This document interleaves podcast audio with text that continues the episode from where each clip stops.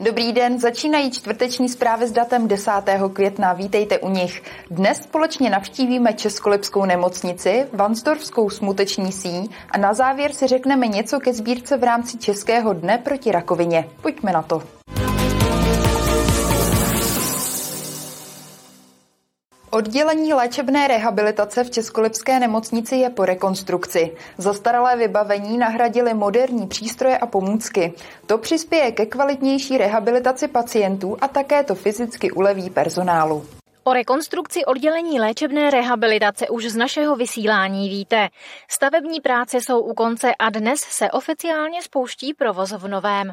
Trvalo nám to asi pět měsíců, protože jsme eh, na této lemele zvláště připravovali docela složitý závěsný systém pro manipulaci s pacienty, takže trošku budeme šetřit naše fyzioterapeuty, naše sestřičky při manipulaci. Asi největší změnou je počet lůžek. Ten se zvýšil z 18 na 28. Při naší kapacitě nebo schopnosti obsadit to staré oddělení na 90%.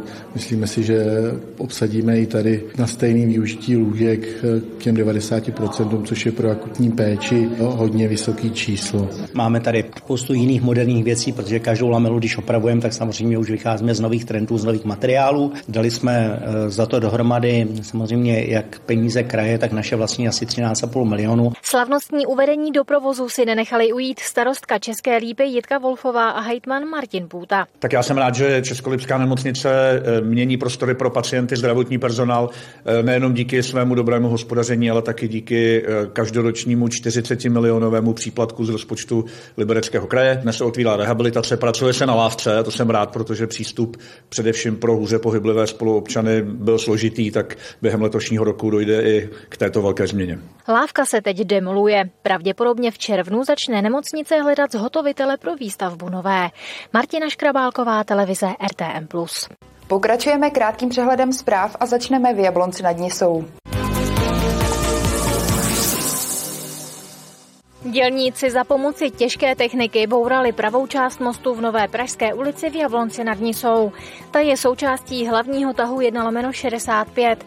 300 tunová železobetonová deska se nejprve naporcovala diamantovou pilou. Jednotlivé kusy se budou postupně odstraňovat. Práce na výměně pravé části mostu začaly v polovině dubna. Hotovo by mělo být do poloviny srpna.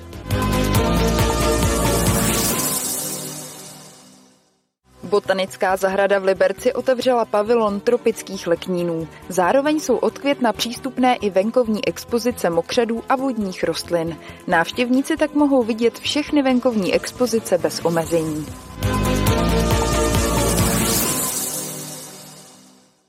Liberecký kraj znovu hledá dodavatele rekonstrukce mostu přes řeku Jizeru v Semilech. V nové soutěži se maximální cena ve výši 61 milionů korun nezměnila. Může se ale v průběhu stavby zvýšit až o 9 milionů v případě růstu cen stavebních materiálů. Nový most přes Jizeru měl být původně hotový ještě letos, to se ale nestihne.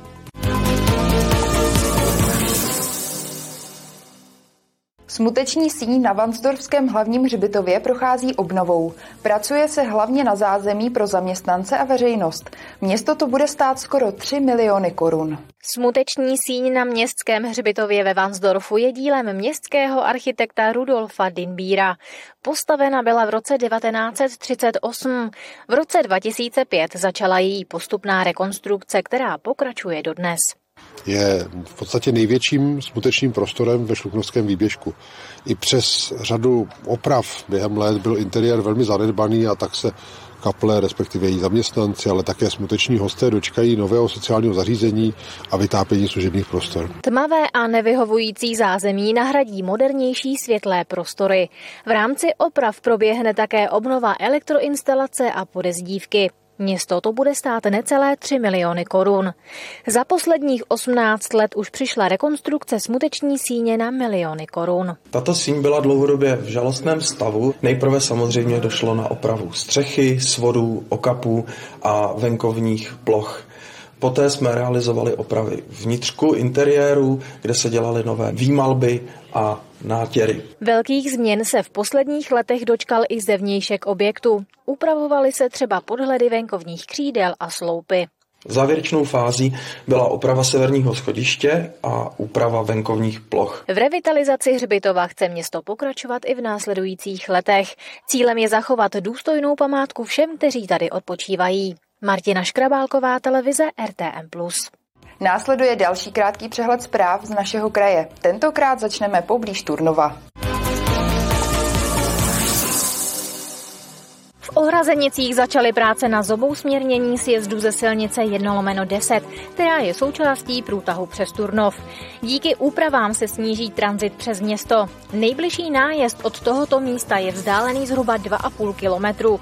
Stavební úpravy si vyžádají skoro 15 milionů korun. Stavba bude hotová do září.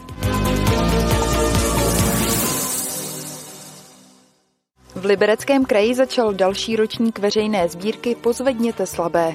Ta je určená na pomoc lidem v Libereckém kraji a Šluknovském výběžku. V jedenácti městech budou dobrovolníci vybírat příspěvky na podporu neziskových organizací. Za 20 let trvání sbírky se podařilo rozdělit 5 milionů korun.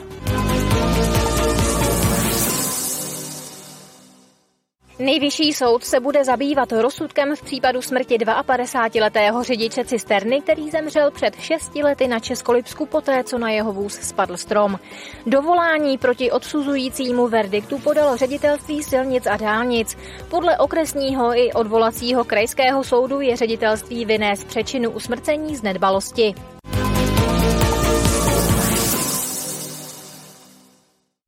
Školy v Libereckém kraji se zapojily do sbírky v rámci Českého dne proti rakovině 2023. Za symbolických 20 korun prodávali studenti stužku s květem měsíčku lékařského. Cílem sbírky bylo šířit osvětu o nádorech plic a průdušek. Vybrané peníze půjdou například na prevenci nádorů nebo na zlepšení kvality života onkologických pacientů.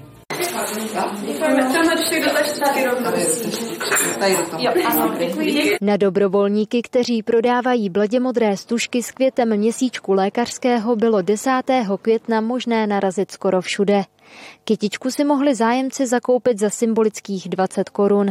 Přispěli tím na prevenci nádorů, zlepšení kvality života onkologických pacientů, ale také na podporu onkologické výuky, výzkumu a vybavení onkologických center. Každoročně má sbírka v rámci Českého dne proti rakovině nějaké téma. Letošní 27. ročník se zaměřuje na nádory plic a průdušek. Do sbírky se zapojily také školy z Libereckého kraje.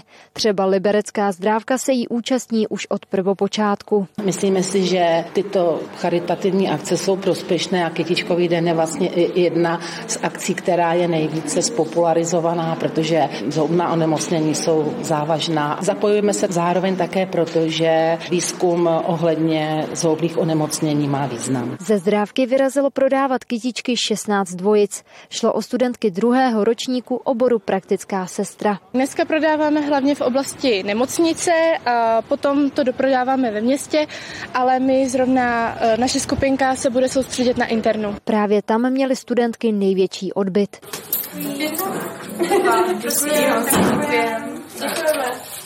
V Libereckém kraji nabízeli dobrovolníci přes 50 tisíc kytiček. Cílem letošního ročníku bylo zdůrazňovat prevenci rakoviny plic a průdušek, kam patří hlavně nekouření. Rakovina plic je ročně diagnostikována zhruba 6,5 tisícům pacientů. Přibližně 80% z nich této nemoci podlehne. Kateřina Třimínková, televize RTM+. Ze zpráv je to dneska vše. Z dalšího programu například krajský nebo lomnický magazín. Hezký zbytek dne a na viděnou.